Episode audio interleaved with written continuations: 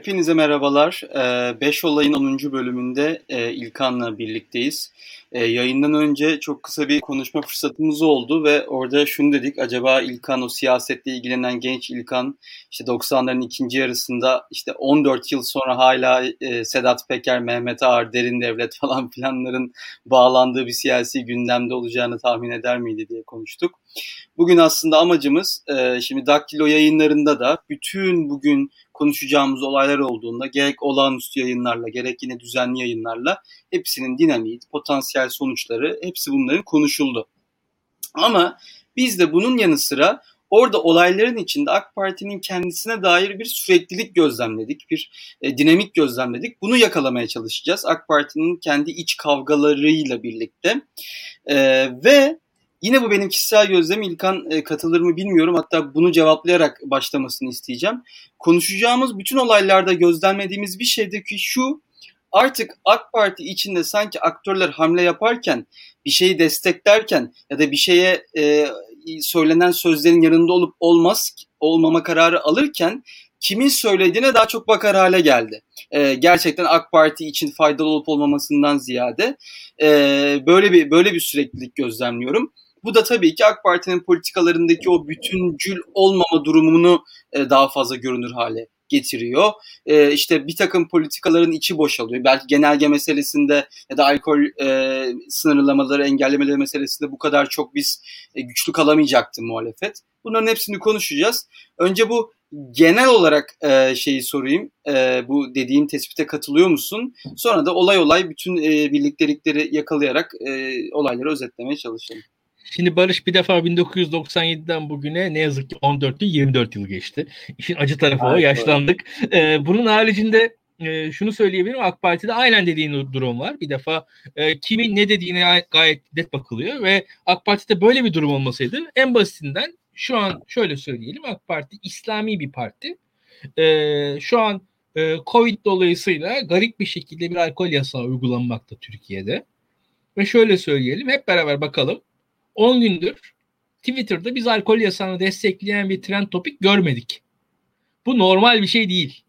Bu kadar söylüyorum. Yani çok net görüyorsunuz. Normalde AK Parti eskisi gibi olsaydı şu an birçok AK Partili heyecanla, hararetle, hevesle, zevkle bu alkol yasağını savunurdu. Biz sürekli işte sarhoş CHP bilmem ne falan filan bu tarz e, trend topikler görürdük. Bugün görmüyorsak şu an birçok AK Partili, AK Partili yok değil AK Partili milyonlarca insan var. Birçok AK Parti kenara çekilmiş durumda. Bu yasağı koyanlar savunsun diyorlar. Kenardan izliyorlar. Yasağa karşı çıkacak kadar demokratlar mı? Değiller. Yasağa karşı çıkacak kadar ilkeliler mi? Değiller. Ama yasağı savunacak kadar da ilkeli veya AK Partili değiller. Şu an kenardan izliyorlar. Yasağı çıkartan soylu ekibi ne yaparsa yapsın diye kenardan izliyorlar. Şimdi bakarsanız biz şu an burada bir grup muhalifle soylu arasında bir çekişme görüyoruz. Ya yani burada burada bir net gözüküyor bir defa. Olay budur. Ee, şöyle söyleyeyim. Yani AK Parti'de kesinlikle bir çatışma var. Bu net bir şekilde gözüküyor. Ee, bu, bu bunun tartışması da yok. Bu AK Parti'deki çatışmanın da birkaç boyutu var. Yani yatay düzlem ve dikey düzlem diye ben görüyorum. Şimdi dikey düzlem e, hani e, şöyle bir şey var. Hani aile, parti ve devlet olarak iktidarı ayırabiliriz. Yani aile, parti ve devlet. Ailenin e, sembolleri kimlerdir? İşte Sabah gazetesidir, Berat Albayrak'tır, Bilal Erdoğan'dır. E, bunun üzerinden devam edelim. E, işte bu hani Pelikan vesaire denen yapılardır. Bunlar da ailedir. İşte Fatma Betül Sayanlar falan filan o, o tarz milletvekilleri de ailedir. Hatta devam edelim. E, neydi? İşte e, sürekli adını unutuyorum. E, yeni aile bakanı hanımefendi mesela Kadem'den gelme o da ailedir. Derya mesela Hanım. E, Derya Hanım, Derya Yanık haklısın. E, e peki kim e, partidir? Mesela düşünelim. Şu anki yeni İstanbul İl Başkanı partidir. Eski Ayasofya İmamı partidir. İşte kimi tarikatların temsilcileri parti adına şey yaparlar. Bunlar hani İslami camianın temsilcileridir. Ee, birazcık daha genişlersek bir de devlet e, noktasından gidersek işte burada da kimler var? İşte Hulusi Akar gibi, Hakan Fidan gibi, e, daha dışarıda Devlet Bahçeli gibi figürleri de burada temsil e, e, bu, bu, burayı temsil ederler diye bakarız. Tabi bunun dışında da e, Süleyman Soylu gibi bir e, Joker figür var. Bütün bunların yanında. Ve bütün bunların yanında da kendi işlerinde de çalışmalar var. Yani ailenin kendi içinde yeknesak değil. Bugün bakarsak e, mesela e, bugün Nagihan yazmış. E, Nagihan Alçı. Yani işte Berat Albayrak adının anılmadığı gazeteler var. ya gene aile içerisinde. Çünkü ailenin diğer tarafında. Yani biz geçen sene mesela burada şeyi çok net yazdım ben. Söyledim. E, neydi? Başakşehir şampiyonluğa giderken Sabah gazetesi Başakşehir'in arkasındaki güçleri sorgulayan manşetler atıyordu. Absürt yani Başakşehir'in arkasında hangi güç olabilir böyle? Hani Başakşehir'in arkasında böyle Cumhuriyet Halk Partili bir güç falan mı var yani? nasıl, nasıl bir güç yani bu Başakşehir'in arkasındaki güçler falan? Başakşehir'e gizli güçler, hakemler destek veriyor. Ya, hangi Başakşehirler ya? içimizdeki var mı aramızda Başakşehirli bilmiyorum yani böyle bir o bozma güçler falan var. Evet, aynı şekilde Süleyman Soylu da çok uzun süre A habere çıkmadı, yorumları alınmadı falan filan. Sonra son bu genelge durumundan önce e, şey yaptı, çıkmaya başladı. Bu da destekleyen evet. bir şey olarak söyledim şeyini. Ya, e, yani şu an Soylu'yla e, Albayrak arasındaki çatışma ana çatışma değil ama yani açıkça söyleyeyim. O, o, o çatışmanın zamanı geçti. Yani o, şu anki şu anki e, olan biteni o çatışma belirlemiyor. Neyse. Sorularına gelelim. E, son olarak konuşalım. hazır Hazır bu, buna gelmişken mesela bunda e, Lütfü Elvan'la Süleyman Soylu'nun paralel şekilde farklı canlı yayınlanda olması da bu bu şeyin çerçevesinde okuyabilir miyiz? Ya bilemiyorum hani aşırı yorum yapmış hmm. olmayalım. Şimdi çok özel bir şey hani bilgim yok. Belki de okuyabiliriz ama ben bilmiyorum yani o konuda özel bir şey söylemeyeyim. Ee, hmm. Ama yani Lütfü Elvan'la mesela daha partidir. Yani aile değildir. Şeydir yani orada orada durduğu yer odur. Mesela Lütfü Elvan gelince biz ya parti güçleniyor diye hissettik. Ama bir yandan da şu var. Ben o zaman şunu demiştim. Lütfü Elvan, Naci Abal geldi. Parti güçleniyor. Lütfü Elvan mesela kime yakındır? Daha önce Davutoğlu'na yakındır Lütfü Elvan. Mesela hani AK Parti o, o tarz fikirleri. Naci Abal yani ben 5 yıl önce sorsan Ali Babacan parti kursa kim ayrılır diye İlkan. Ya ben Naci Abal ayrılır derdim Ali Babacan'ın yanında. bir baktık Naci Abal kaldı. Sonrasında Merkez Bankası Başkanı oldu. Böyle bir yani o, o, o olay orada şey yapabilir ama orada kalanı tutmaya çalıştı Tayyip Erdoğan. Bir şekilde denklem e, acaba tekrar partiye mi dönecek deniyordu. Hatta o ara hatırla bir açıklık buldu. Bülent Arınç iddialı bir giriş yaptı. Hı hı. Kavala evet. falan filan orada tasfiye oldu. Mesela parti güçlenecek o partiyle beraber ben de güçlenirim dedi. O an o an bak hani hani o adam da akıllı siyasetçi. O an şansını denedi ve tasfiye edildi. Yani o kadar da değillendi orada mesela gibi. Özellikle HDP ve yargılamalarla ilgili çok e, ne derler bir çıkış yapmıştı. Şimdi biz olaylara gelelim yavaştan. E, tamam. Temelde 5 tane olaydan konuşacağız. Bu Merkez Bankası sürecinden itibaren boynu kalının tweetleri ve boynu kalının tasfiye süreci. E, ve onun ardından Ruslar Pekcan olayı, e, çizgi film meselesi ve e, bugün günümüze geldiğimiz e, artık Aha. ne diyelim 90'lar derin devletinin iç kavgalarının e, sohbetinin geri dönmesi olarak şey yapacağız. Olayları dediğim gibi detayların çok konuştuğumuz için zamanında daha çok bu süreklilik babını, iç çatışma bağlamına ne ifade ettiğine bakmaya çalışacağız. Tamam. E, Berat Albayrak gittiğinde timeline'ımızda bir zafer, eğlence havası vardı. Biz eğlendik ama sen o zaman e, haklı çıktığın bir takım tespitler oldu. Yani Berat Albayrak öyle görevden alınmayla gitmez dedin. Ee, ondan sonra da haklı çıktın ve işte bir Naci Albal göreve geldi. Ekonomist Naci Albal'ın politikalarını övmeye başladı. Ee, biz e, dedik ki Aa, eski AK Parti geri dönüyor dendi içindeki bazı kesimler falan filan. Sen öyle o kadar kolay olmadığını söylemiştin. Sonra sarayın içinden zaten bence AK Parti'nin günümüzde en büyük sorunlarından biri orada paralel bir takım AK Partilerin bile haberinin olmadığı bir takım işte danışmanlar kurullar var. Yiğit Bulut falan gibi figürler muhtemelen devreye girdi ve işte bu Erdoğan yıllarda savunduğu paradigmayı e, şey yaptı. Bir yandan da diğer görüşler diyor ki Naci Albal bu 28 milyar doların e, kökenine inmek için bir çalışma başlatıyordu. Ya da Erdoğan ona verdiği kağıdı uygulamayı kabul etmedi. E, hükümetin kendi savunmasına temel sağlayacak kağıdı. Neticede görevden alındı. Birçokları içinde bu buradaki iç çatışmanın bir tezahürüydü. Sen buradaki o demin söylediğin aile, devlet, parti bağlamında bu, bu süreci nasıl görüyorsun? En sonundaki Yeni Şafak yazarının e, Merkez Bankası Başkanı olması hmm. süreci. Yani e, karmaşık hakikaten. Şimdi tek tek bakarsak e, bir defa e, şöyle söyleyeyim. Birincisi ben olan biteni ekonomi olarak okumamışım. Yani Berat Albayrak'ın ayrılmasının sebebinin ekonomi olduğunu düşünmüyorum. Yani ekonomik sorunlara ekonomik çözümler gerekiyorsa bunu Berat Albayrak da bulabilir. Hatta ekonomi paradigmasında sorun varsa ben bu sorunun Berat Albayrak kaynaklı değil Tayyip Erdoğan kaynaklı olduğunu düşünüyorum.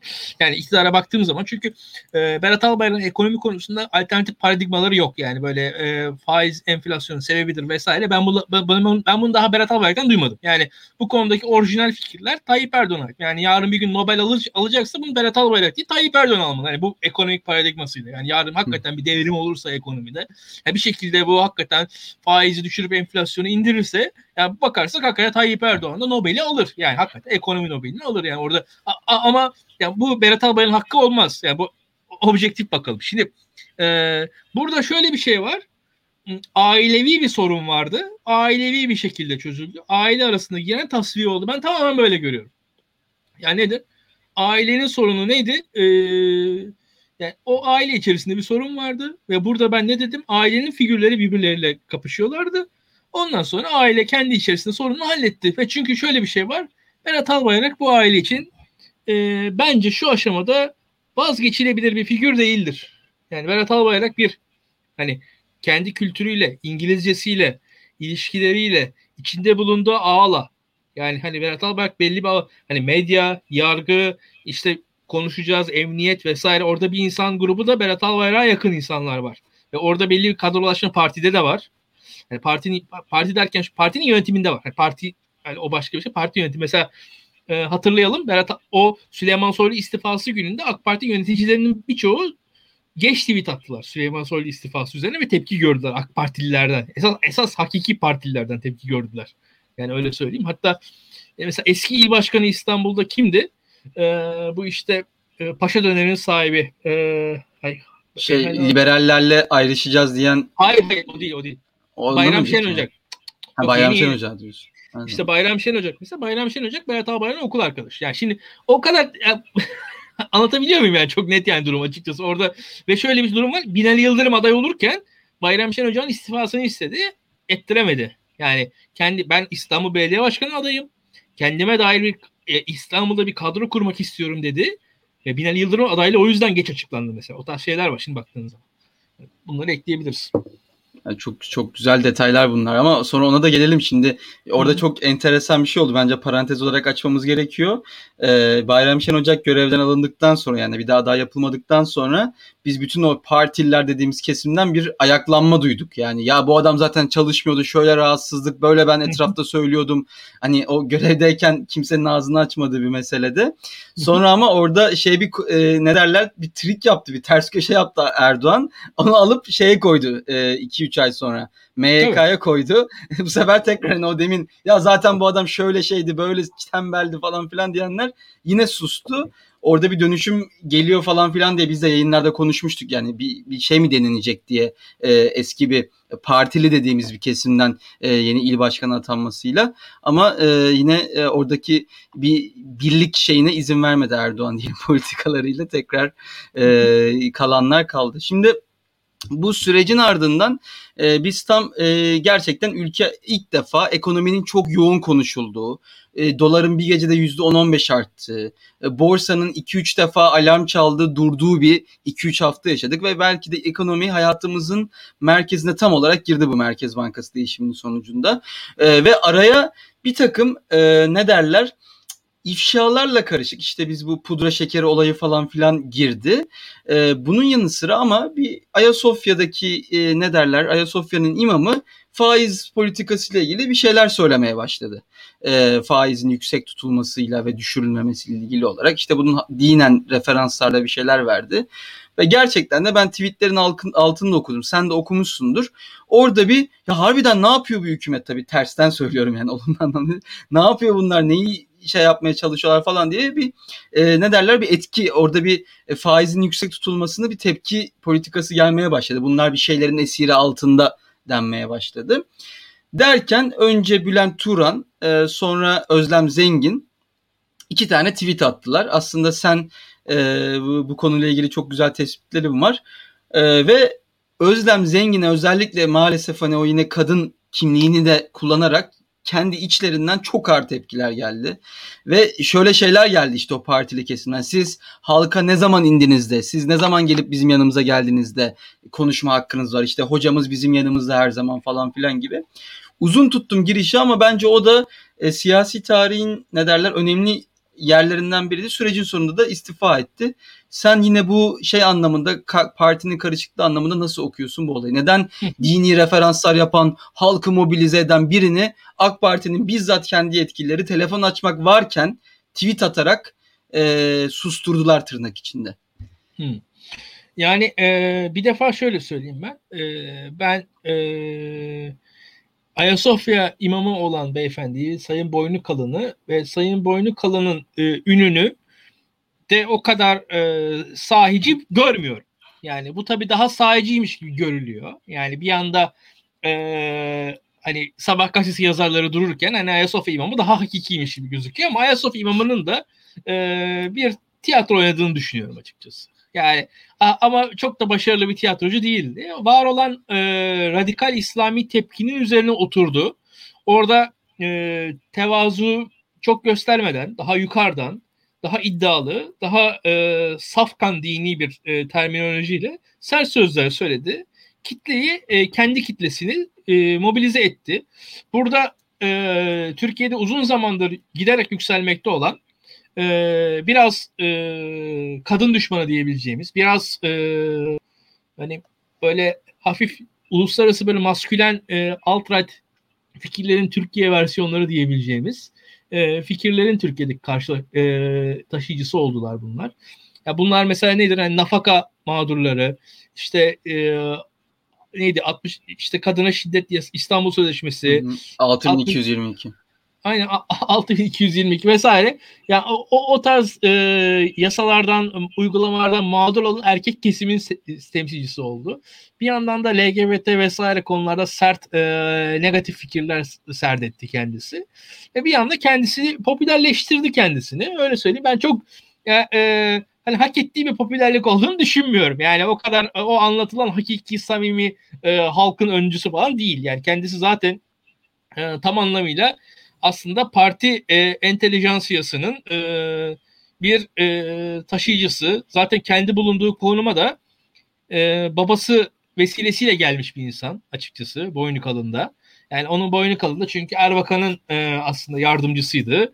O zamanlardan gelen ve or, yani oradaki Türkiye'deki İslami kesimde hani babadan gelen e, konuma sahip insanlardan bir tanesi. Mesela Numan Kurtulmuş için o örneği vermiştik hatırlıyorsunuz zamanında. E, boynu kalın da öyle boynu kalın ailesine de bakarsanız görürsünüz zaten diğer fertlerini falan araştırabilir insanlar. Yine parti içerisinde yer alıyor bunlar. Ee, ben o kadar paye vermezdim. Ee, ha ne oldu? Burada e, boynu kalının İstanbul Sözleşmesi konusunda aldığı sert tavıra karşılık e, Tayyip Erdoğan bence taviz verdi. Yani İstanbul Sözleşmesi'ni AK Parti bundan 10 yıl önce imzaladı neredeyse. Yani 10 yıldır duruyordu İstanbul Sözleşmesi. Yani 10 yıl AK Parti 10 yıl öncesine göre daha farklı e, bir parti değil bence. Hani aslında ama bir anda e, bu kesime taviz vermek zorunda kaldı.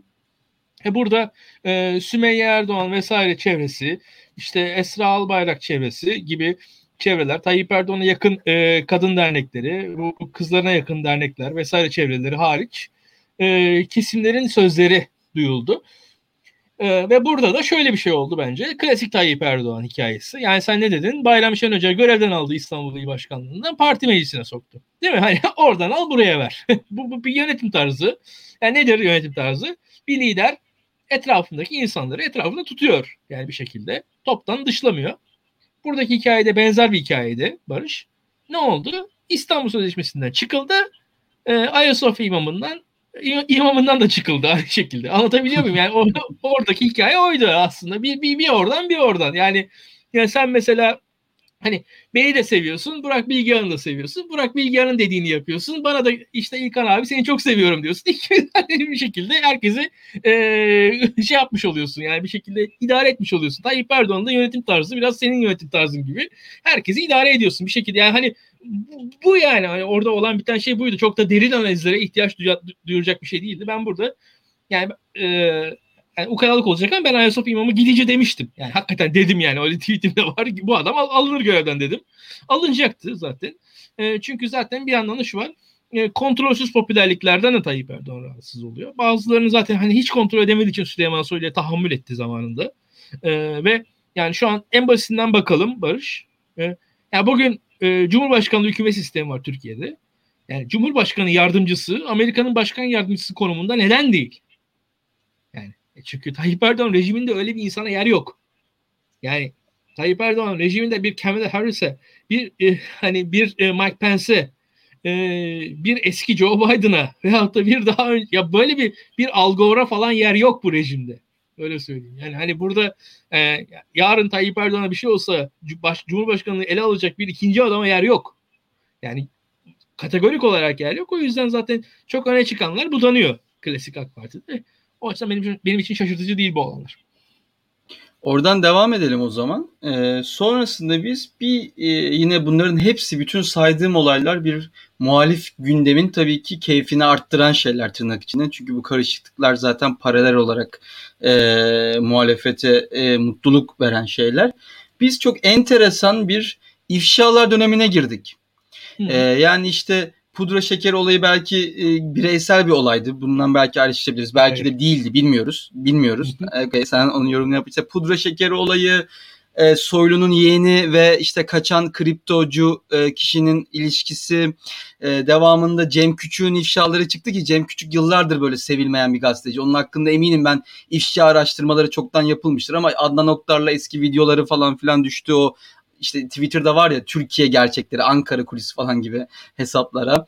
Ee, devamında Ruslar Pekcan'ın olayı bir geldi kapatıldı. Ya böyle karşılıklı olarak e, AK Parti'nin kendi içindeki bir takım figürlerle de ilişkilendirilen bir şekilde biz birçok e, ifşa olayı gördük. Bunları karşılaştık, şey yaptık, e, eleştirdik, ettik. E, bu bu sürecin devamında yine okursak o kısımda ne oluyor? Mesela demin pudra şeker olayında öyle e, kendi kendine muhtelif bir arkadaşın hata yapıp yaydığı bir olay değil dedin. Oradan başlarsak burada ne oluyor karşılıklı? Şimdi bir defa e, yani ya bahsettiğin şeylerin bazılarını farklı görüyorum. Yani Hı-hı. mesela şudur. E, yani Cem Küçük olayındaki videolar hani benim gördüğüm videolardı. Görmediğim bir videonun çıktığını görmedim. Yani kendi adıma. Hı hı. Ee, mesela Hilal Kaplan için görmediğim bir video çıkmıştı. O enteresandı. Onu ayrı bir yere koyuyorum. Zaten hani onu e, onu bir kenara koyuyorum. O başka bir şey. Bu tüm olanlardan da bağımsız bir şey o. Onun bağlamı da başka. Cem Küçük için zaten hani o neydi? Bizi hapse atarlar falan videosu çıkmıştı. Adnan Oktar videosu da onlar bilinen şeylerdi zaten. Yani on, onlar daha önce çıktı o videolar. Ben hortlaması video... anlamına söyledim. Ha yok hortlaması mesele değildir onların. O kadar ama en azından hani bayağı popüler şekilde biliniyordu. Hilal Kaplan'ın o e, konsolosluk videosu bilinmeyen bir videoydu. Öyle söyleyeyim. O daha farklı. E, bunun dışında e, kripto paralar e, konusunda e, bir skandal ortaya çıktı Türkiye'de. Devamında e, şey belediyelerin insan kaçakçılığı meselesi skandalı evet. çıktı. E, pudracı e, hikayesi çıktı. Şimdi bu e, olan bitenleri ben daha ziyade Türkiye'de İçişleri Bakanlığı ile bağlantılı okuyorum. Yani, e, yani daha ziyade orada ve ya iktidarın kendi iç çatışmalarının bir e, yansıması olarak görüyorum bunu. Tüm bu bilgilerin, belgelerin ben iktidar kaynaklı ortaya çıktığını, çıkacağını düşünüyorum. E, ha bu ilk illa öyle ya da böyle belki çıkar da denilebilir ama ben daha ziyade iktidarın iç çatışmaları olarak görüyorum bunu. Ya ben şu an öyle görüyorum. Ve zaten hani e, kendi adıma da e, ben Süleyman Soylu'nun e, belki bakanlığı biterse şaşırmam yani gelecek zamanlarda çok da. Okey bu, bu, bu kesidi de alıp e, ben demiştim de paylaşmak bakalım yani, nasip olacak e, mı? Onun dışında da şeyde. Ruhsar Pekcan konusunda söyledin. Zaten Ruhsar Pekcan'da da e, hatırlarsan şöyle bir şey oldu. E, Ruhsar Pekcan'ın yolsuzluğu gündem olmuştu. Yani insanlar yolsuzluğu gündem olduğu için ayrıldığı bakanlıktan alındı dediler. Ben tam tersine bakıyorum olaya. Bakanlıktan alınacağı için zaten yolsuzluğu gündeme geldi diye düşünüyorum.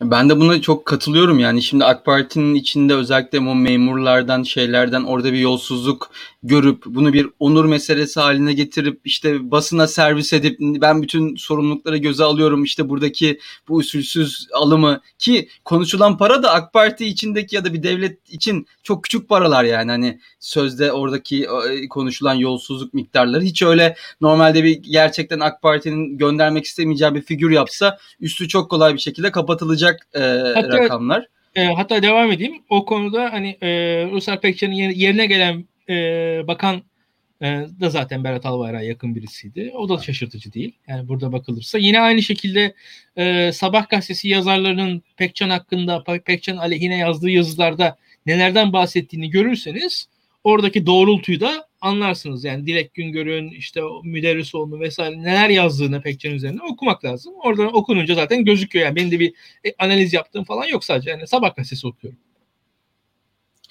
sürecin devamında işte yine bu olay tekrar gittikçe kızışıyor işte. En temelde neticede Sabah gazetesi yani kısacası e, Albayrak e, ailesi ve işte partinin belli kısmıyla birlikte bir Süleyman Soylu'nun arasındaki durumdan indirgeniyor olaylar gibi de pratikte o şekilde işliyor. Devamında Süleyman Soylu'nun bence gerçekten e, zaten normal bir e, düzende olsak çoktan istifasını etmesi ve çoktan işte sonsuza dek siyasi arenadan üzerine leke yapışarak uzaklaşması gereken bir e, kapanma yönetimi ile karşı karşıyayız. E, yalnızca bunu alkol meselesiyle ilgili söylemiyorum. Örneğin sen o konuda içerinin nabzını çok iyi tutarsın. Ben ilk defa bir e, birkaç akrabamı tanıdığımı aradım. Bu çek meselesi oldu örneğin. E, çek meselesinde e, piyasa gerçekten e, işte hiç iyi bir araştırma yapılamadan bütün çek ödemeleri durdurdu, ertelendi ve insanlar paralarını alamadı. Bunu yapan işletmeler, kobiler de paralarını alıp 15 günlük faizlere koymuşlar. Zaten 31 Mayıs'a kadar e, ödeme yapmam gerekmeyecek diye. Ardından da bu öğleden sonra bu çek ödemeleri geri geldi ama bu sefer de hesaplarda para yoktu. Hala piyasanın bunun e, sıkıntısını çektiğini biliyorum. Bu sadece bir örnek.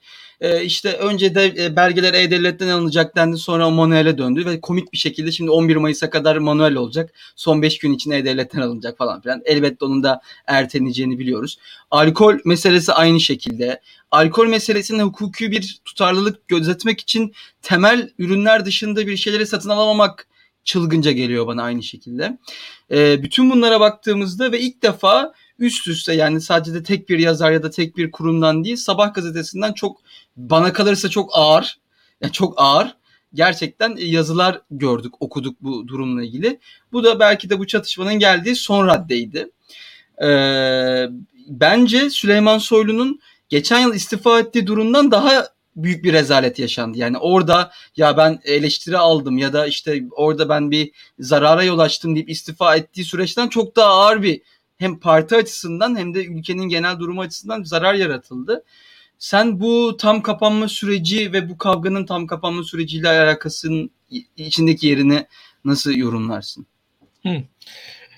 Ee, şöyle söyleyeyim ben bir defa Türkiye'de e, yönetim tarzı olarak yönetim e, tavrı olarak e, bir hani dekadansla karşı karşıyayız. E, Türkiye'de memurların vatandaşla olan ilişkilerinde artık e, başka bir aşamaya geçildi diye düşünüyorum ben. E, yani memleket şartlarında gerçekten de e, memurlar şu an Türkiye'de neredeyse elit kesim haline gelmiş durumdalar. Yani e, çünkü özel sektördeki yaşam e, imkanları kısıtlandı. E, çalışma saatleri uzadı. E, sosyal güvenlik açısından devlet memuriyeti cidden avantaj haline geldi. Maaşlar özel sektörde çok düştü ve devletin getirdiği ayrıcalıklara e, yani ayrıcalıkların değeri çok arttı şu an Türkiye'de mukayeseli olarak. Ve hani eskiden mesela benim küçüklüğümde neydi? Özel sektörde maaşlar yüksekti, devlette düşüktü ama güvence vardı diye bir bağlam vardı. Şu an özel sektörde de maaşlar yüksek değil. Yani e, çok e, sıkıntılı durumlar yaşıyoruz Barış şu anda Türkiye'de ve e, son süreçte e, yani öyle videolar var ki yani insan bir şey yapar yani tamam kötü bir şey yapar da en azından bunu ilan etmez. Hani gizli gizli yapar. Ya kameralar önünde vatandaşı zulmediliyor. Çok komik yani artık bu nasıl bir idraksizlik. Yani farkında da değil artık. Yani hiçbir şekilde bağlamından kopmuş e, polisler görüyorum ben. E, ve hani bu sürecin başından beri yani yaşlı insanların taciz edilmesinden tutun e, işte çocuk kovalayan polislere öte yandan babana söyle 900 lira daha çeksin. Yani hakikaten hatırladıkça insanın asabı bozuluyor. O tarz hareketlere ve yani fakirin fukaranın garibin gurabanın peşinde koşturan polis görüyorsunuz orada. Ee, sıkıntılı. Yani orada bir genel tavır sıkıntısı var. Öyle söyleyeyim. Ee, umarız insanlar daha ma- makul olurlar Türkiye'de. Ve Türkiye'de şöyle söyleyeyim bir de Barış. Bizdeki muhalif çevrelerde de hata var burada. Ee, şu açıdan bu sürecin korona covid sürecinin başlangıcından bu yana ya bizim insanımız yasaklara uymuyor. Ya bizim insanımız şöyle, bizim insanımız böyle. Yani şimdi sen Hollanda'dasın. Hani Hollanda'da da insanlar tamamen kurallara uygun robotlar halinde hareket etmiyorlar eminim yani. Böyle bir şey yok. Evet, Böyle, yani evet. herkes her an ya şu anda Türkiye'de insanlar her an maske takmak zorundalar. Evlerinden çıktıkları anda. Ya birçok Batı ülkesinde yani insanlar yoğunlaştığı anda maske zorunluluğu vesaire olabiliyor. Yani veyahut da işte atıyorum e, bir kalabalık bir yere girdiğiniz zaman, markete girdiğiniz zaman, işte atıyorum otobüse bindiğiniz evet. zaman, toplu taşıma. Onun dışında normal sokakta yürürken maske zorunluluğu birçok yerde yok. E şimdi bunu hayal bile edemiyorsunuz Türkiye'de. Bu şu an lüks bu anlattığım şey. Yani ve ve e, bunu da bayağı bir insan savunuyor ve devam edelim. Biz Covid'in başından beri e, işte umreciler, parklarda bira içenler, yani işi bilmem nerede bira içenler, e, şurada dans edenler, yani işi kültür savaşı oluyor. Ya umreciler veya camiye gidenler falan mesele bu değil. Mesele kamu otoritesiyle vatandaş arasındaki ilişkidir. Ya biz bunu kültür savaşına çevirmeyelim. Yani biz bunu devletle birey arasındaki bir mesele olarak görelim diye kendimi yırttım açıkçası. Tabii liberallerin sesi duyulmaz Türkiye'de. Yani hani bu konuda muhalefet de hatalı yani bu yüzden açık konuşayım. Yani bu işi bir kültür savaşının varyasyonu olarak gördükçe iktidara insanları tokatlayacak alan açılıyor. Yani burada biz bireylerle devlet arasındaki ilişkinin alanı olarak bu Covid sürecini görmemiz gerekiyordu. Yani o açıdan ne devlete bir otoriteyi e, devrediyorsak neyin karşılığında ve ne sürede ne kadar devrettiğimizi devredeceksek eğer bilerek konuşmamız gerekiyordu. Yani bu şöyle bir şey var. Herkes herkes değil işte birçok insan işte tam kapatma, kapanma olsun, kapanma olsun, kısıtlama olsun. Ya devlet bizi şöyle de kısıtlasın, böyle de kısıtlasın, öyle de kısıtlasın, böyle de... Ya, ya sürekli iz ya tamam bak şu şunu söyleyebilirsiniz. Devlet belli kısıtlamalar getirmesini talep edebilirsiniz ama ya bunların sınırlarının sınırları esas bağlığın budur. Yoksa yani hatırla yani Türkiye'de Kurtuluş Savaşı oldu. Yani başkumandanlık yetkileri belli bir süre bağlamında verildi. Yani Atatürk yapmış savaş yani bu daha orada bile bu, bu yetki falan kısıtlı verilir insanlara. Yani şu an Türkiye'de öyle bir e, vazgeçiş var ki vatandaşlık haklarından bazı insanların. Kendi vazgeçişleri var ki ve vazgeçmeyi öneriyorlar. Ya tamam hani Covid önemli. Kısıtlamalar da belki gerekli. Ama e, o kısıtlamaların bağlamı, sınırı falan e, yani tartışılmalı. Tartışmanın konusudur. Bu böyle tartışmasız bir alan değildir. Siz böyle herkes her an maske takmalıdır deyip geçemezsiniz. Ve şöyle söyleyeyim. Bak bir şey söyleyeyim. Yani e, yani neyse o kadar girmeyeyim de. Yani şöyle söyleyeyim ben e, burada bir, biraz e, ya Türk insanı böyle deyip geçmemek gerekiyor. Türk insanı öyle falan değil. Türk insanı dünyanın en ciddiyetsiz, labali insanı falan değil. Bana hiç kimse bunu ikna, beni hiç kimse bu konuda ikna edemez. Türk insanı gayet disiplinli bir insan grubu. Türkiye öyle bir ortaçağ ülkesi falan değil. Türkiye'deki insanlar hastalığı da biliyorlar. Hastalıktan önlemlerini alıyorlar. Hastalıktan korkuyorlar. Yani ha buradaki tepkiler şu an e, organize değilse, örgüt değilse esas Türk insanın ideolojik öncüsü olması gereken beklenen insanların kalitesizliğinden dolayı şu an Türk insanının tepkileri daha düzgün değil. Yani açık net. Çünkü hükümetten çok daha düzgün şeyler talep edebilmesi gerekiyordu Türk aydınının ve talep etmedi. Ya burada hata onlardadır diye düşünüyorum. Yani yoksa nedir hükümette? Hükümetten sopa talep etti Türk aydını. Yani hani bu açıdan sıkıntı. Ya hükümet bize daha çok vursun, daha çok yasaklasın. Sonra ne, ne oldu? İçki yasağı geldi. Şaşırdık mı? Şaşırmadık. Yani ve komedi. Rezalet bir şey. Yani, şunu da söyleyeyim o içki yasağı falan da bence zaten gidici olduğunu düşündüğün düşünen Süleyman Soylu'nun bir şekilde ee, şeyi yani yaptığı bir zırvalıktan ibaret diye düşünüyorum ben. Bakalım. Zaman içerisinde Ya bu göreceğiz. arada sen şimdi e, bazen bir şeyleri hissederiz. içini tamama henüz dolduracak ya da şekillendirecek argümanlarımıza sahip değildir. Şimdi ben bir moderatör olarak orada gidici olduğunu düşündüğü için şeyini tutup onun hakkında biraz konuşmak isterim ama sen konuşmak istemeyebilirsin yani şey olarak ya evet şu an sadece evet. bir his aşamasında kavramsallaşma aşamasında ama çok genelde bizim burada yaptığımız iddialı şeyler biraz tutuyor e, Daktilo'da. E, bunu da o sınıfa alacaksan e, yani sence peki gidecekse ne istiyor mesela Süleyman Soylu? Şu an neyin zamanını kazanmaya çalışıyor ya da orada son olarak neyi yapıp da e, ya da neden şu an bugün bu saniye gitmiyor e, Albayrak ekibi onu bu saniye görevden hmm. almıyor. Oradaki şu an bu bekleyişte taraflar ne yapıyor? Ya Sonunda şey ikisi şey de bilecekse de ayrılığı. Birincisi Türk sağı Barış e, doğrudan konuşmaz.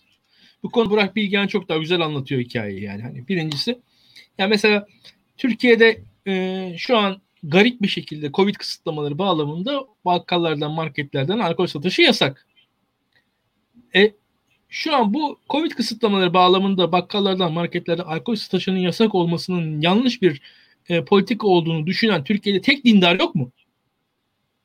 Tek AK Partili yok mu? Yani hani yani veyahut da şöyle söyleyeyim. Kendisi İçişleri Bakanı olsa bunu kısıtlamayacak bir kişi yok mu AK Parti'de? Ya bir tane yok mu yani hani böyle bir tane aralarında? Yani hani bu konuda ya ne alaka diyecek bir kişi yok mu? Ama şöyle bir şey var. Ee, içki savunmak cesaret ister. Şu an Cumhuriyet Halk Partisi bile savunamıyor. Yani bakarsanız. İşte orada ne diyor? Dolaylı bir, şekilde döndürüyor lafları. Bir şey hani işte Faik Öztürk da savunmuyor bir şekilde bakarsanız. Şimdi o, içki içmiyor mu bunlar? İçiyorlar. Türkiye biraz böyle bir ülke. Türkiye biraz bu açıdan iki yüzlü bir ülke. Ee, bu açıdan şöyle söyleyeyim. Bu yasaklamalar, kısıtlamalar sürdükçe e, yani bir şekilde insanlar sessizce bekliyorlar. Yani hikayenin bir tarafı bu. Yani neden bugün olmuyor diyorsan bu, bu yani bir tarafı bu yüzden. Ee, yani mesela şöyle ben tersten bakıyorum yani yayının başında söyledim. Yani şu an bu yasakların heyecanla savunulmamasından ben çıkartıyorum bir şeyi. Çünkü yani heyecanla savunmadıklarına göre o kadar da esasında onaylamıyorlar. Yani bu neyin yasağı yani? Bu, bu da hani ne yapıyorsunuz siz? diye düşündüklerini umuyorum. Öyle söyleyeyim. Ha, bir kısmı zaten tabii artık o ideolojik angajmanlı garip bir noktada yani hani artık kendisini inandırmış olabilir bazı absürt insanlar. Ee, ama yani burada işin gerçekliğinde bu yok. Yani mesela düşünün burada bile e, hani bardaklı iç falan filan diye yazan var yani. Hani neticede bu yani işin bu ya insanlar böyle yani kültür savaşı biraz böyle bir şey. Anlatabiliyor muyum? Bunu e, bu bu tabii iğrenç bir şey. Ama ne yapalım ya bu böyle bir var bir şey yani bu, bu da hayatta böyle bir durum var neticede. Bu yüzden de e, yani şu an dikkat edelim AK Parti'deki birçok figür bu yasağı destekleyen bir açıklama yapmayacak. Ama karşı da çıkmayacak. Öyle sessizce kenarda duracak yani. Ben bunu görüyorum. Bir tarafı bu. E, zaman içerisinde çıkar, çıkar dediğim şey ortaya. Yani çok da uzun zaman değil. Peki. Ee, yani devam edelim o zaman. Yani, e, ve şu an bunu, bunun sonunda da şu var. E, bütün bu olan bitenlerin e, tekil e, ve dangıl dungul oluşu yani arka arkaya plansızca, programsızca sürekli e, tepkilere göre değişerek oluşu zaten hani hadisenin rezaletini ortaya çıkartıyor. E, çek vesaire konusunda zaten hatırla çek vesaire konusunda sabah gazetesinde yoğun tepkiler geldi. Ekonomi yönetimine dair sert eleştiriler geldi. Ekonomi yöneten ekibe dair sert eleştiriler geldi sabah gazetesinde. Onları da hatırlayalım. Yani Dilek Güngör'ün Müderrisoğlu'nun falan yazılarına bakalım sabah gazetesinde. Çıkar bu. Artı yine Sabah gazetesinde Mehmet Barlas'ın bu içki yasağına dair sert eleştirisi geldi. FETÖ 15 Temmuz'da başarılı olsa ilk yapacağı şey içki yasağıdır diye Mehmet Barlas yazdı. Ya yani bunlar da tesadüf değil. Bence yani hani öyle söyleyeyim. Hani o Mehmet Barlas da bizim kadar okuyor diye düşünüyorum olan biteni. Yani o da bunlar yeterli herhalde. Ama e, yani aslında asıl sormak istediğim şey şuydu. Şimdi Süleyman Soylu bir res çekti bir yıl önce. E, istifa etti. Dur, e, o sebeple söyleyeyim. evet yani onlar hızla ne planlıyor? E, hızla söyleyeyim. Şimdi Süleyman Soylu meselesinde şöyle Barış. Süleyman Soylu bir yıl önce 10-12 Nisan sürecinde 10 Nisan Cuma 12 Nisan Pazar sürecinde Pazar günü istifa etti. 10 Nisan'da o saçma sapan e, hafta sonu yasağı kararını yasaktan bir saat önce falan açıkladı. Saat bir buçuk saat önce kadar açıkladı. İnsanlar koştular boşu falan sıraya girdi hatırlayalım. Onun arkasından cumartesi günü AK Partililer yoğun bir cuma, cuma akşamından başlayarak cuma gecesinden başlayarak cumartesi gününde AK Partililer yoğun bir e, AK Partili Twitter'cılar e, burada zaten Pelikan falan dediğimiz kesim e, ciddi bir hashtag çalışmasına girdiler işte Fahrettin Koca'nın 3 ayda yaptığını 3 saatte bitirdi falan filan diye böyle Süleyman Soylu eleştirildi. AK Partililer tarafından eleştirildi. Süleyman Soylu bunun üzerine e, Ahmet Hakan'a röportaj verdi. Ahmet Hakan'a röportaj verdi. Kendisini savundu. Yasağı savundu. E, onun arkasından eleştiriler kesilmedi. E, hatta bu süreçte Süleyman Soylu'ya destek veren muhalifler falan da oldu. Onları da not edin. Onu da söyleyeyim. E, bunu da sonra söyleriz. E, arkasından da şu pazar günü istifasını açıkladı. Pa- istifasını açıkladıktan sonra tüm Türkiye'de tüm Türkiye'de çok ilginç bir şekilde e, büyük küçük e, Süleyman Soylu'ya e, sahip çıkan tepkiler çıktı ortaya. Kısıtlamalar sürerken. E, ve, ve o tepkiler adım adım adım büyüdü. Süleyman Soylu'nun feda edilmemesi gerektiğini söylediler. Twitter'da yoğun bir şekilde AK Partili yazarlar baskı altına alındı. Süleyman Soylu'ya sahip çıkın şu an konuşmazsanız işte sizi hain ilan ederiz diye AK Partililer AK Partili yazarlara baskı uyguladılar. Onun arkasından e, Süleyman Soylu bir şekilde göreve e, görevde kalması Tayyip Erdoğan tarafından tercih edildi. Süleyman Soylu açıklama yaptı ve o gece saat 12'de sokağa çıkma yasakları bittiği sırada Süleyman Soylu'nun görevde kalmasını kutlayan bir e, eğlence düzenlendi. İnsanlar e, sokaklara çıktılar, eğlendiler. Samsun'da, Başakşehir'de vesairede hareketler oldu. Burada eğlenen insanlar kimlerdi onu da ayrıca konuşuruz başka bir zaman. E, şimdi Süleyman Soylu bu olanları tetikleyen şey neydi? Süleyman Soylu'nun istifası. Süleyman Soylu'nun tercihiydi. Yani Süleyman Soylu ne zaman istifa edeceğini bilen bir insanmış demek ki öyle söyleyeyim ben. Yani şu an istifa etse çünkü böyle bir tepki olmayacak. çok iyi, çok iyi anladım. Evet ben de e, güzel bağladık gerçekten. E, daha 51 yaşında olması falan gibi faktörlerle geçen Twitter'da da yazıp onu e, daha siyaset arenasında göreceğimizi maalesef e, düşünüyorum. Onun da bu planların, bu e, stratejinin çerçevesinde hareket ettiğini görebiliyorum. E, bakalım ne gösterecek. Biz olaylara devam edelim. Yine en sonu değerlendirirken bütün bunları toparlarız. E, dördüncü olayımıza geçiyoruz şimdi. Bütün bu bahsettiğimiz durumları AK Parti'nin kendi karışıklığı içinden yorumluyoruz. Şimdi dördüncü olayımız e, hep de böyle güzel işte AK Parti ilk defa AK Parti'nin karışıklığını falan konuşabilince hep güzel tatlı şeylerden konuşuyoruz. Tadı yenmiyor, tadından yenmiyor yani. Şöyle iç kavgalar o ona yazdı, bunu yaptı falan filan. e, dördüncü olay çizgi film meselesi. E, çizgi film yayınlandı ve benim gördüğüm gerçekten ilk defa e, elbet vardır yani gözümüzden kaçan ama ilk defa bu kadar çok insanın bildiği, bu kadar çok insana yönelik yapılan bir içerik, bir politika, söylem geri alındı. Geri adım atıldı. Yani ne olursa olsun savunulmak yapılabilirdi. Onun hakkında hiç konuşmama dahil bile yapılabilirdi. Zaten gündemden yavaş yavaş giderdi. Şimdi bir AK Partililer cevap vermezse CHP'nin eleştirisine sönümlenirdi olay. Birçok olayda yaptı AK Partililer bu tekniği. Yani o politize etmeme taktiğini yaptılar. Ama burada videonun silinmesi ben inanamadım. Hatta artık o kadar komplocu tarafım şey olduk dedim ki ya kesin işte CHP'liler dava açtı da video silindi de falan böyle salak salak işlere girecekler herhalde. Yoksa imkanı yok yani falan filan diye bir mağduriyet bir şey yaratmak isteyecekler diye düşündüm. Bir video yayınlandı. Video hiç komik değil. Hiç zekice biri tarafından yapılmış bir video değil. Öncelikle onu söyleyeyim. Yani onu gerçekten zeki biri yapsa e, toparlanabilirdi. Hiç de komik değil. E, çok büyük bir beklenti yaratıldı videodan önce. İşte yarın saat şunu da şunu açıklıyoruz falan filan. Zaten ekonomi bu haldeyken, insanlar bu haldeyken tamamen muhalefete muhalefeti karikatürize etmeye yönelik düşük zekalı bir içerik.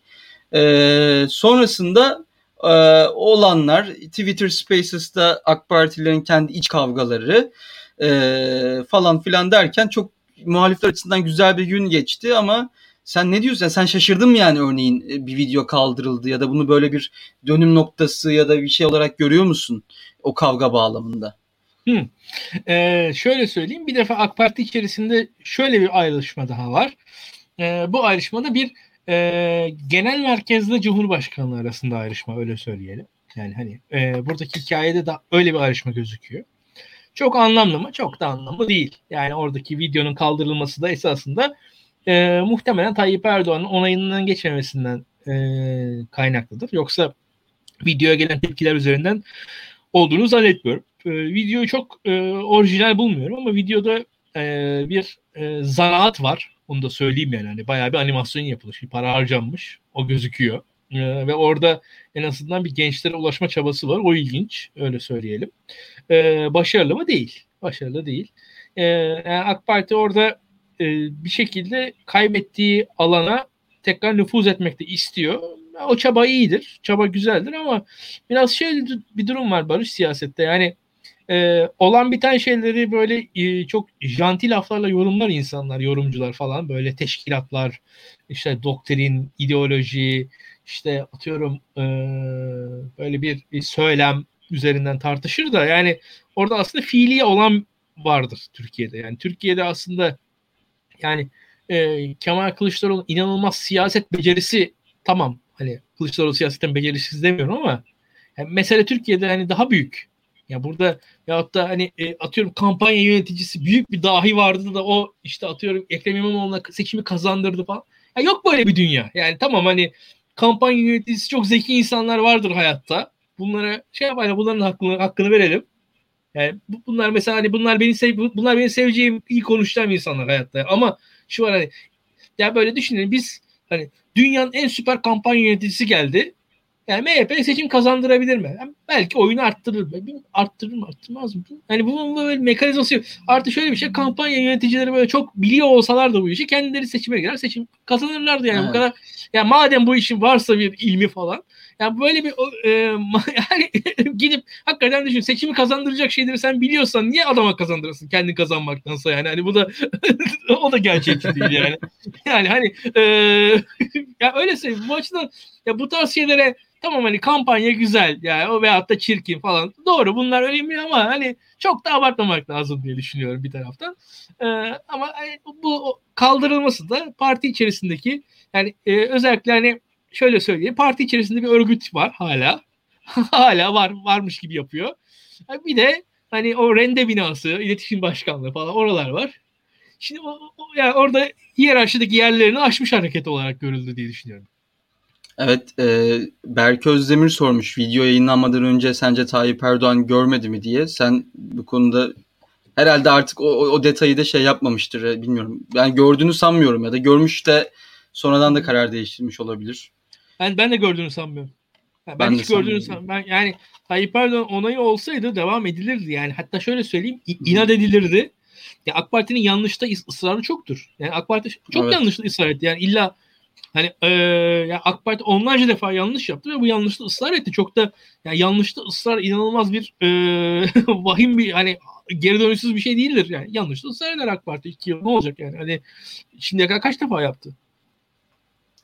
Ee, şimdi en sonunda e, şu soruyu soracağım sana ama aslında onu şimdi sormak istiyorum çünkü e, beşinci olay bu son olarak işte Sedat Peker'in e, oradaki eski derin devlet figürlerinin kendi içindeki kavgası ve bunun sence bir e, şeyle alakası var mı? Bu iç kavga ile alakası var mı? Çünkü ucu yavaştan Süleyman Soylu'ya dokunan şeyler gelmeye başladı oradan bir şeyler. Tabii ne çıkar ne çıkmaz bilinmez. Ama ben hazır bu konu geçmemişken e, şeyi söylemek istiyorum bu seçim kampanyası ile ilgili. Şimdi ben gerçekten çok değerli insanlar bu kampanyaları yönetir. Çok önemli şirketler vardır, yorum yaparlar ama ben de onların o kendi ne derler triplerini hiç sevmem yani. Şimdi e, işte şey sürekli bir işte oyunu şöyle kurduk, böyle yaptık, halka şöyle dokunduk, böyle yaptık. Yani o zaman senin hiçbir seçimi kaybetmemen lazım. İşte kur oyunu öyle bir kahraman yaratma abi. Yani şimdi bir de şey yine son bir şey daha diyeceğim. Bir 140 Yurnus'un İmamoğlu belgeseli var. Orada Ekrem İmamoğlu'nun e, kampanyasını yürüten kişi Necati e, Necati bir şey adını unuttum. Diyor ki ilk biz gittik diyor. Dedim ki sunum yaptık diyor. Dedim ki bu Mission, mission Impossible dedim diyor. Herkes böyle bir ürktü diyor. Ben de dedim ki yani sana bir gelip kampanyacı Mission Impossible dedikten sonra sana o işi verenin de yani sonuçtan bağımsız söylüyorum. Orada kendine şey yapıyor. imkansızı başardım dedirtmeye çalışıyor. Oyunu öyle kurarak böyle kurarak falan filan da. Yani başta şey demiş impossible o zaman alma işi kardeşim git yani yaparım bu possible diyen birine ver yani işi. O yüzden kampanyacılar konusunda ben de çok rahatsızım yani ama onlar da tabii ki kendilerine öyle bir imaj düşmeye çalışıyorlar ama bu anlamda şeye bağlayacağım bunu. Bütün bu karışıklık, bütün bu düşen anket sonuçları, oy oranları, şunlar bunlar AK Partililer de e, şöyle bir işte o Twitter Spaces meselesinde de odaya girdiğimizde ya ortada çok güzel işler yapılıyor. Artık biz bunu tembel vekiller, kötü kampanyacılar, bencil birkaç insan, işte artık halka inmemiş 2-3 siyah vekil olduğu için falan filan halka anlatamıyoruz. Niye halk işte barajları konuşmuyor, akan dereleri konuşmuyor, işte uçan uçakları, havalimanlarını konuşmuyor da ekonomi diyor, bir şey diyor. Çünkü bir yalan siyaseti. Video da aslında bunun bir tezahürüydü. E çünkü işte şöyle yapılıyor, böyle bir manipülasyon var falan filan. Bunun hakkında ne düşünüyorsun sen? Bu çok büyük bir e, Twitter'a da yazdım yani. Bence bir başarısız birinin e, sorumluluğu almama girişimidir bir siyasetçi olarak. Çünkü bunu değiştirmek senin gitmeni gerektirir oradan. E, ama eğer halka doğru anlatılamıyorsa sen gitmeden de e, sürece devam edilebilir. Bu umarım böyle de düşünmeye devam ederler bu arada. Umarım bu düşünce gerçekten sabit bir şekilde kalır. Tek sorunun politika ve tek sorun nasıl halka e, in, inme sorunu olduğunu düşünürler. E, sen ne düşünüyorsun bu konuda? Ya şimdi şöyle birkaç şey söyleyelim. Mesela halka ulaşma sorunu mesela Daktilo'nun var mı? Var. Yani yayınlar 3000 5000 izleniyor. Yani net bir şekilde. Hani e, atıyorum Periskop'tan birkaç bin kişi daha izliyor. Oradan Spotify'dan, podcastlerden biraz daha izleniyor. 10 bin kişi. Tutan yayınlarımız 20 bin kişi, 25 bin kişiye ulaşıyor. E şimdi e, siyasi elitlerden bizi izleyen var mı? Var. Şimdi bizim halka ulaşma sorunumuz var mı Daktilo? Var. Hakikaten bizim böyle bir derdimiz var. halka ulaşamıyoruz. Yani. Teknik olarak biz hani, yani, ulaşamanız belli yani sayı olarak bakıyorsunuz. Hani ben halka ulaşıyorum dersem mesela Sedat Peker'in yok. Bir buçuk milyon izlemişti videosunu yani. Halka ulaşmış Sedat Peker. Şimdi Sedat Peker'de olmayan sorun AK Parti'de var mı? E, yok. Yani hani teknik olarak. Şimdi e, şimdi Sedat Peker 1.6 milyon insana ulaşmış. Bir YouTube'a video koymuş. Bir kamera bir şey. 1.6 milyon insana ulaşmış. Şimdi ee, tek tek bakalım. Türkiye'de medyanın %95'i dolaylı doğrudan AK Parti kontrolünde. Yani halka ulaşmak diye bir sorunu en olmayan parti AK Parti. İletişim sorunu, algı sorunu falan yok AK Parti'nin. Tam aksine algı, iletişim avantajları var. Hatta şöyle söyleyeyim bakın şu an Türkiye'de muhaliflerin önemli kısmı dış güçler AK Parti'ye karşı zannediyorlar.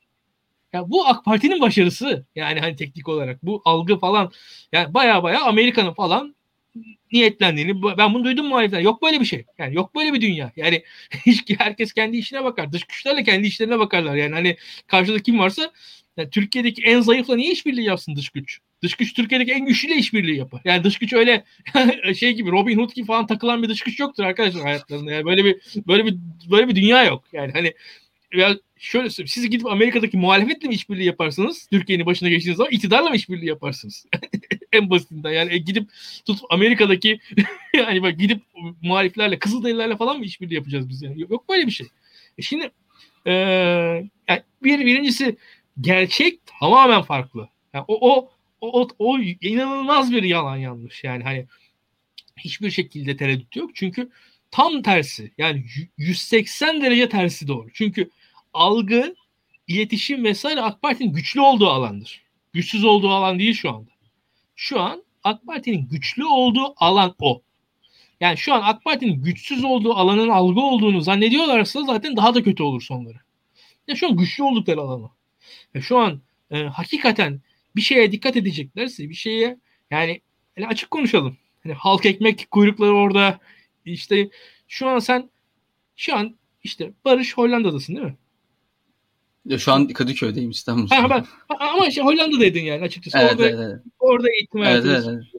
Şimdi yani bak şu yayından sonra bile Hollanda'ya nasıl gelebiliriz? Orada nasıl master buluruz falan filan. Sana Hı-hı. sorular gelecek.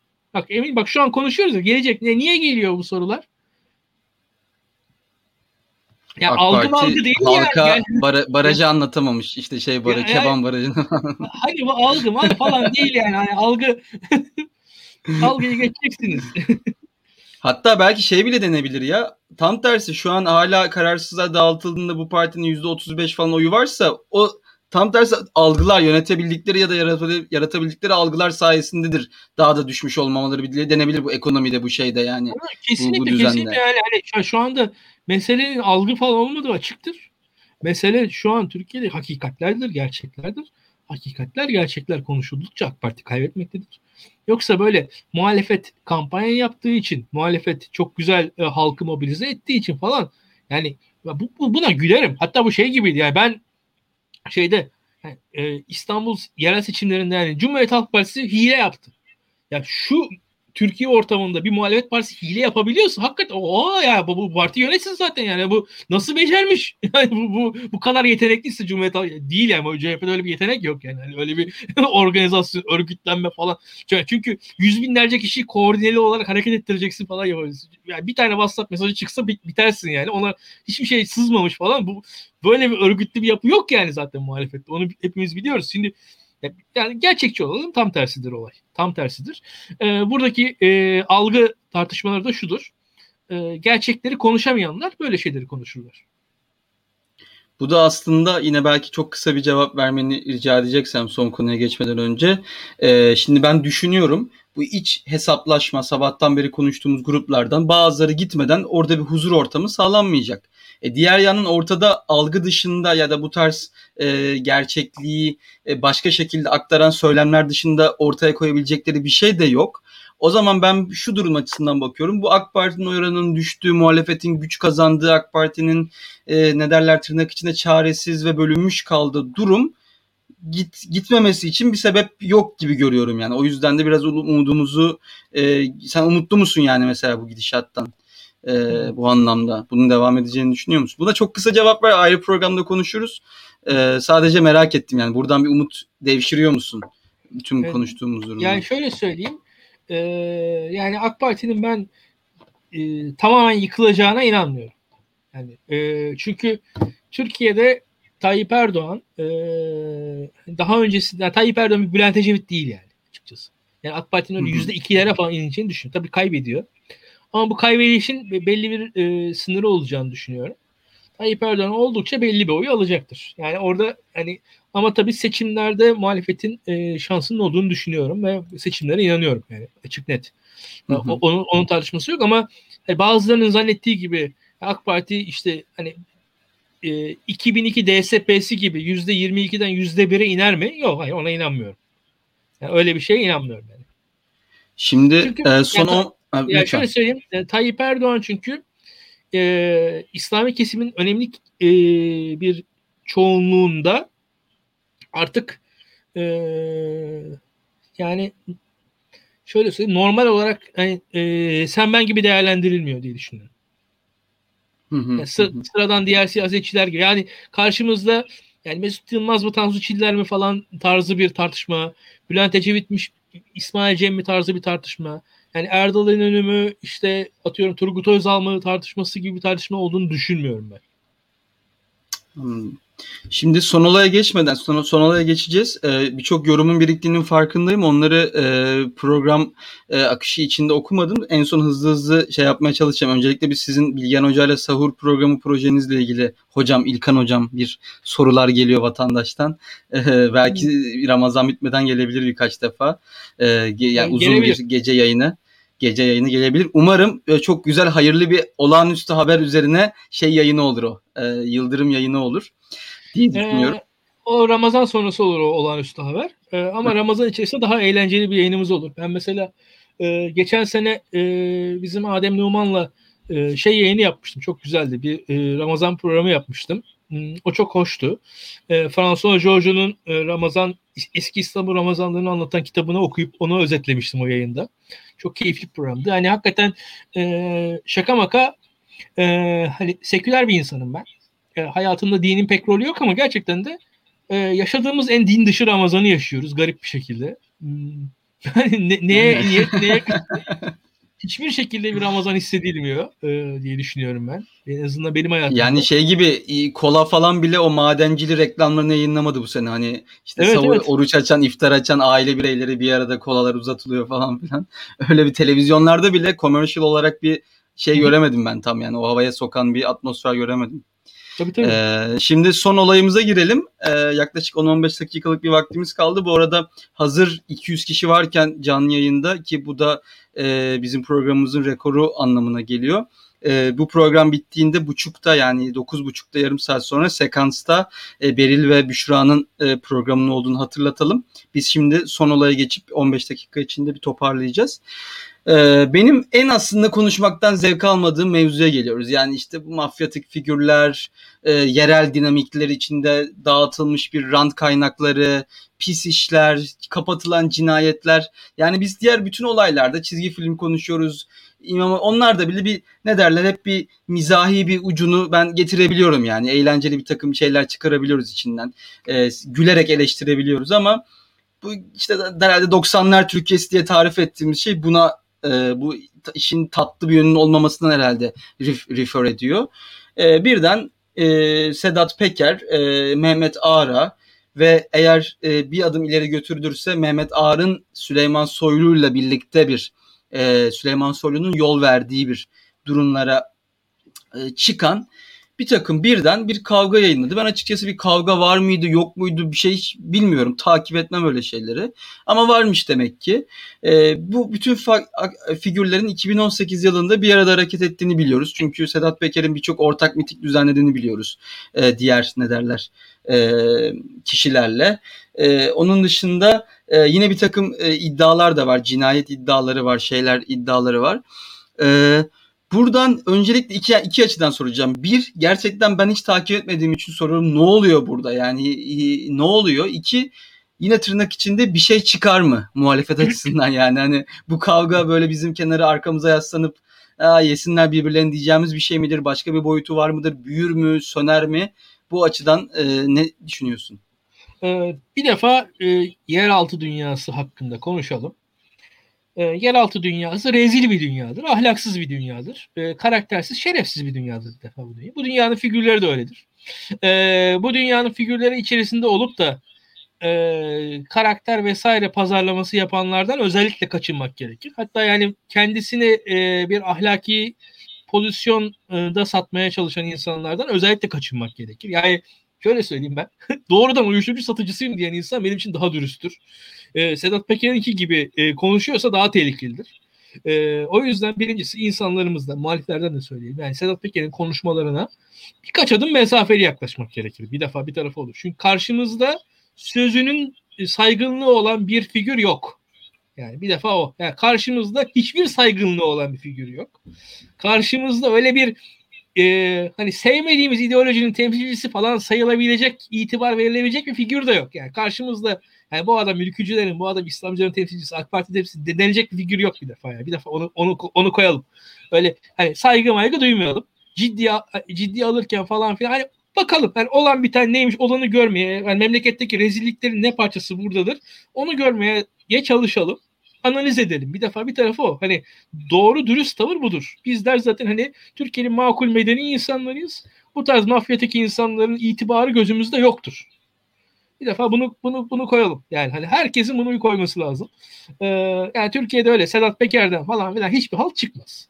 Sedat Peker'in yaptığı tüm konuşmalar gelmiş, geçmiş, gelecek.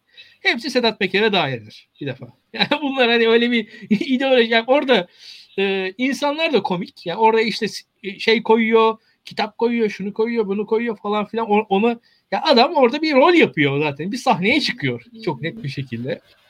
E, ve burada da onu bilerek bakmamız lazım.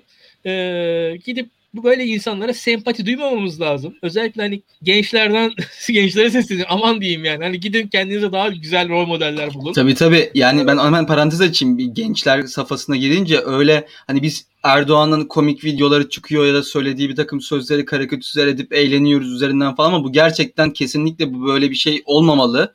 Ee, hiçbir şekilde e, net bir şekilde hani bir popüler kültürün mizahi malzemesi halini bile getirmeden bence direkt bir e, ignorlama ya da bir bir yere konumlandırmama stratejisi izlenmeli diye düşünüyorum. Lütfen devam et sözünü kestim.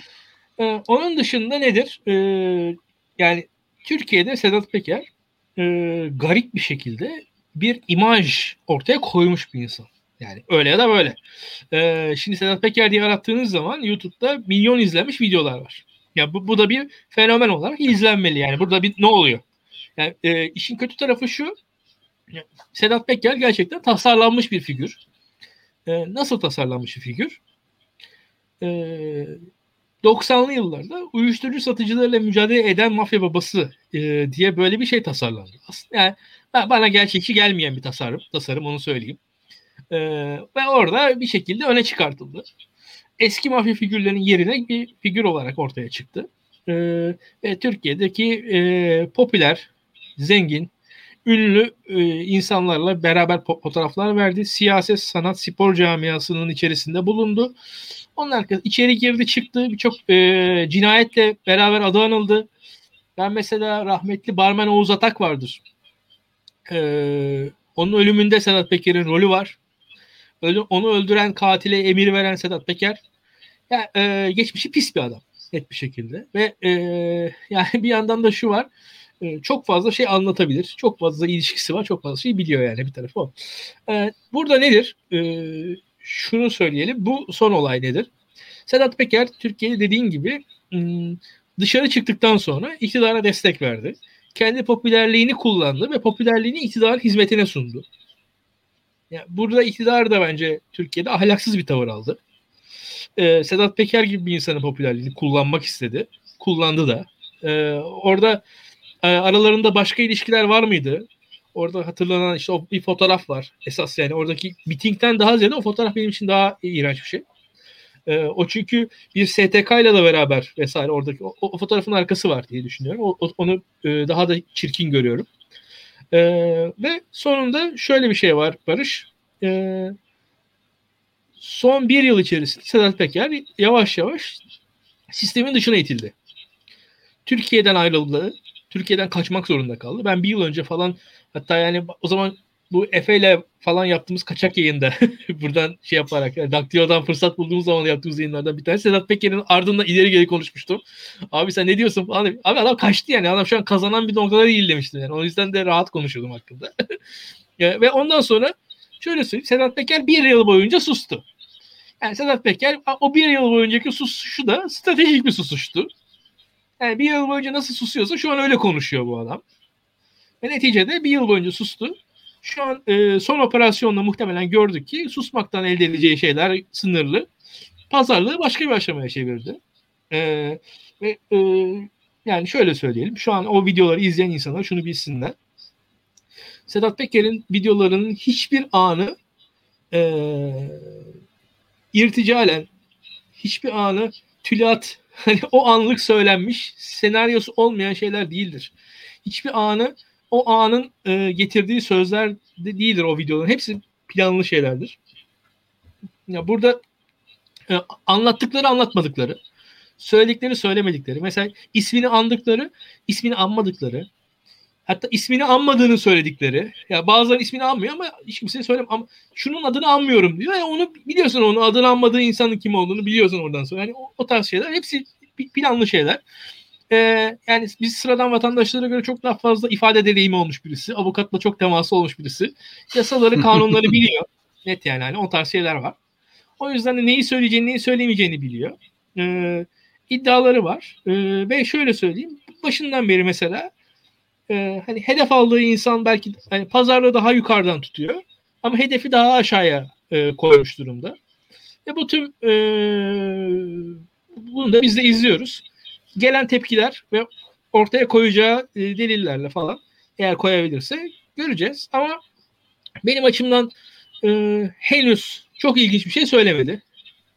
Ha nedir? E, Türkiye'de hmm, şöyle söyleyelim yani keşke bağımsız gazetecilik olsaydı. Ben mesela Barış senden farklı olarak e, susurluk sürecini yaşadım. Yani hani birebir gazeteleri takip. O zaman hakikaten yani Radikal Gazetesi'nde falan sürecin güzel analizleri olurdu. Yani orada e, şu şununla ilişkili bu, bununla şöyle bilmem ne falan filan. Şimdi e, olan analizler e, daha ziyade Peker'e dair e, bana şey hatırlatıyor. Şokopop'u hatırlatıyor. Neden? Hani artık magazin nostaljisi. Magazinin kendisi şu an yapılamıyor. Ülkede baskı ortamı var. Magazin magazin içerecek hayatlar gayet e, gizli saklı yaşanıyor anlatması zor. İşte hani fazla hani aldatmalar, işte cinsellik, eşcinsellik şu bu falan filan. Şokopop anlatıyor işte 1990'larda şunlar olmuştu. Büyük skandal. Ya 2020'de skandal yok mu arkadaşım? Ama işte yok ya yani şey gibi.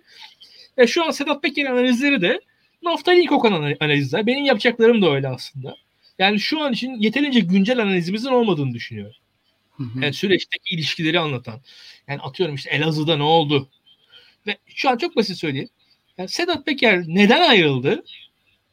Neden ayrılmak zorunda kaldı? Biz bu, bu soruyu bilmiyoruz farkında mısın? Hani bu sorunun cevabı yok. Yani Sedat Peker 1996 yılında şunu yaptı. Onu biliyoruz. İşte atıyorum Sedat Peker ne yapıyor? İşte Kutlu Adalı falan filan. Kıbrıs'ta bin, 1996 yılında şu oldu. 1998 yılında şurada şu oldu. Alaaddin Çakıcı da 2009'da 2007'de şunu yaptı falan. Onlar biliniyor. Ya 2020'de 2021'de ne oldu biliyor muyuz? Bilmiyoruz aslında. Ya çok çok çok doğru bir analiz. Ee, bir şey diyordun Özlem bitir sözünü. Ya buyur. Yani şey yani mesela şeyleri hatırlıyorum yine o haberlerden Şokokop da bunu yapıyor. Kendimiz de baktığımızda işte, işte Sedat Peker atıyorum bir restorana girmiş oluyor ya da onun muadili bir figür. Aa işte o restoranın sahibi şuydu. E, sahibinin kardeşinin şeyi şuydu. Orada zaten daha önce şu kurşunlanma olayı olmuştu.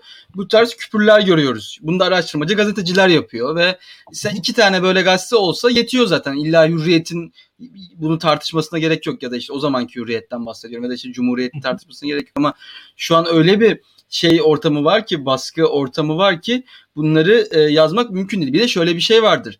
Bir gazeteci mesela atıyorum bunu yapan gazeteciler var. İsmail Saymaz bir noktada yapıyor. Barış Terkoğlu falan filan bir noktada yapıyor. Ama bunlar ne derler? Gazetecilik bir asettir. O adamların da her şey yetişmesi mümkün değil. Çünkü o dosyalar kolay çıkmıyor. Öyle bir akşam oturup hadi araştırayım falan filan değil. Yani bir bunu yapan insan sayısının gazetelerin çoğalmasıyla birlikte bunu dert edinen gazetecilerin sayısının da artması gerekiyor ki biri X dosyasına baksın, biri Y dosyasıyla ilgili rezalet çıkarsın falan ve bunu yapacak kalibrede insanlar var imkan tanınsa. Ee, ama o çok enteresan geldi bana tespitin yüzde yüz katılıyorum yani biz o anlamda e, rezaletlere tırnak içinde skandallara burada aç kaldık gibi bir durum oldu. Ee, ya, çok kolay bir şekilde ya ortadan işte biz, kalkıyor. Yani e, ya Sedat Peker Veli Küçük ilişkisi tamam mı? Sedat Peker Veli Küçük ilişkisi yani 20 yıl önce de konuşuluyordu Türkiye'de. Yani 20 yıl yani ben yeni öğrenmedim Sedat Peker Veli Küçük ilişkisini. Yani senin ömrün kadar konuşuluyor bir Sedat Peker Veli Küçük ilişkisi. E şimdi 2021'de biz hala bunu mu konuşacağız? Ya Korkut Eken falan ya Korkut Eken kaç yaşına geldi şu anda affedersiniz yani. Hani hala memleketteki tartışma Korkut Eken üzerinden tartışacağız. Yani bu artık e, ya bu e, bazı susurluk e, figürleri falan vefat ettiler arada yani. Hani Arnavut Sami oldu falan. Ya biz böyle ya hakikaten şey oldu yani ıı, nostaljiyi bırakalım istiyorum birazcık da. Yani bugün ne oluyor? Onu görmek lazım. Ee, onu hala göremiyoruz. Orada hala şunu da söyleyeyim. Mesela Sedat Peker bir anlatı çiziyor değil mi size? Çok güzel. Öyle ya da böyle. Yani bizim mesela gazetecilerimizin kendilerinin bir hikayeyi anlatması lazım. Biz şu an bakıyoruz Sedat Peker'in bir perspektifi var eğri, doğru, bir yanlış, şunlar eksik falan diyoruz. Şunlar doğru. Tamam. E, e, bana aslında Sedat Peker'in anlattığı değil yani başka birisi kendi üçüncü perspektifinden göstermeli anlatmalı. Yani olanları ya yani 2018'de şunlar oldu diye koymalı diye düşünüyorum ben yani. yani orada ya çünkü şöyle bir şey biz Peker'in perspektifindeki eksikleri ve yanlışları seçmeye çalışıyoruz. Şimdi ben de onu yapacağım. Yap, yaparsam mesela diyelim. Mesela Peker işte Fevzi iş başaran meselesinde ya orada bir vekilden bahsediyor. Adını vermiyor. Tahmin ediyoruz o vekilin kim olduğunu. Ta, doğru tahmin ediyoruz. Okey. Ama ya o an niye mesela Peker'e gidilmiş o iş? Biliyor muyuz? Bilmiyorum. Yani o, bu tarz çok şey var. Yani o vekilin başka işleri var mı onu bilmiyoruz gibi. Yani böyle gider gelir bu işler. Yani çok da yani ne yazık ki şey var. Yani biz e, muhalefet olarak Türkiye geriye geriye çekildi. Ve e, yani öyle söyleyeyim. Bir de kamuoyunu e, zaman içerisinde hakikaten Peker iyi yönlendirdi. Kendi kendisi adına. Ben şundan eminim yani. Türkiye'de internete ilk yatırım yapan insanlardan biri Sedat Peker. Ve e, Sedat Peker caps'lerinin falan önemli kısmını ben Peker tarafından üretildiğine inanan birisiyim. Yani e, çok erken döneminde internetin hep Peker caps'leri vardı. E, çok tesadüf görmüyorum yani insanların oturup bayağı kitlesel bir şekilde o efsanesi yaratıldı. E, böyle bir adam. Yapalım? Bizim bahtımıza da bu düştü. Artık e, ilerleyen süreçte bütün bu olayların detayları nereye bağlanacak biz de e, programlarla an- anlamaya çalışacağız. Şimdi bugün İlkan'la birlikteydik.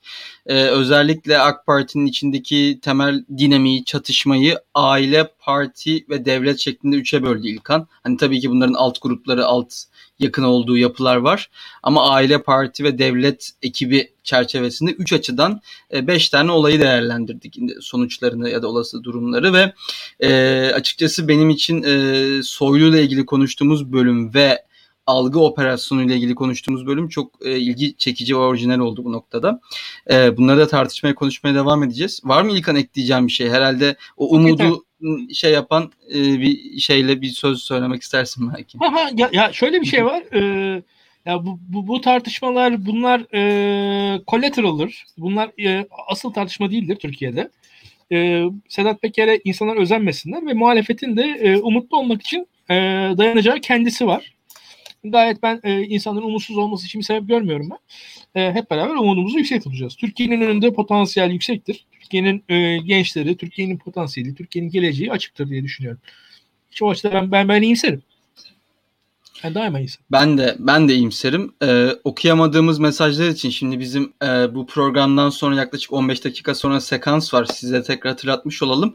Böyle arka arkaya programlar olduğunda bazen mesajları okumakta, onlara zaman ayırmakta sıkıntı yaşayabiliyoruz. O yüzden bazı gelen çok güzel soruları e, yayında okuyamadım, cevaplatamadım. E, ama e, onları zaten e, İlkan Hocam, Bilgehan Hoca, diğer e, bir sürü programımız oluyor. Lütfen siz de sorularınızı hem sosyal medyadan da iletebilirsiniz ayrıca. E, onun için de tekrar kusura bakmayın diyorum. 10. 5 olaydan e, size veda ediyoruz. E, artık yeni programlarla, başka gündemlerle bir arada olmaya devam edeceğiz. Daktilo yayınlarını lütfen paylaşmayı, beğenmeyi, bizim halka inmemiz noktasında destek olmayı, iletişim algı operasyonları noktasında iyi ya, politikalarımızı halka hayır, iyi anlatmanız ya, için yardımcı şöyle, olmaya. Hani halka, halka inmek değil de milletimizle müşerref olmak değil. Milletimizle şereflenmek evet. değil. Aynen. o noktada yardımcı olursanız seviniriz. Zaten ben o beğen, beğendiğim noktalar klip olarak da güzel noktaları alıp paylaşıyoruz Twitter hesabımızdan. Hani tüm yayınları izlemenize gerek yok. Çok sağ olun ee, ve görüşmek üzere.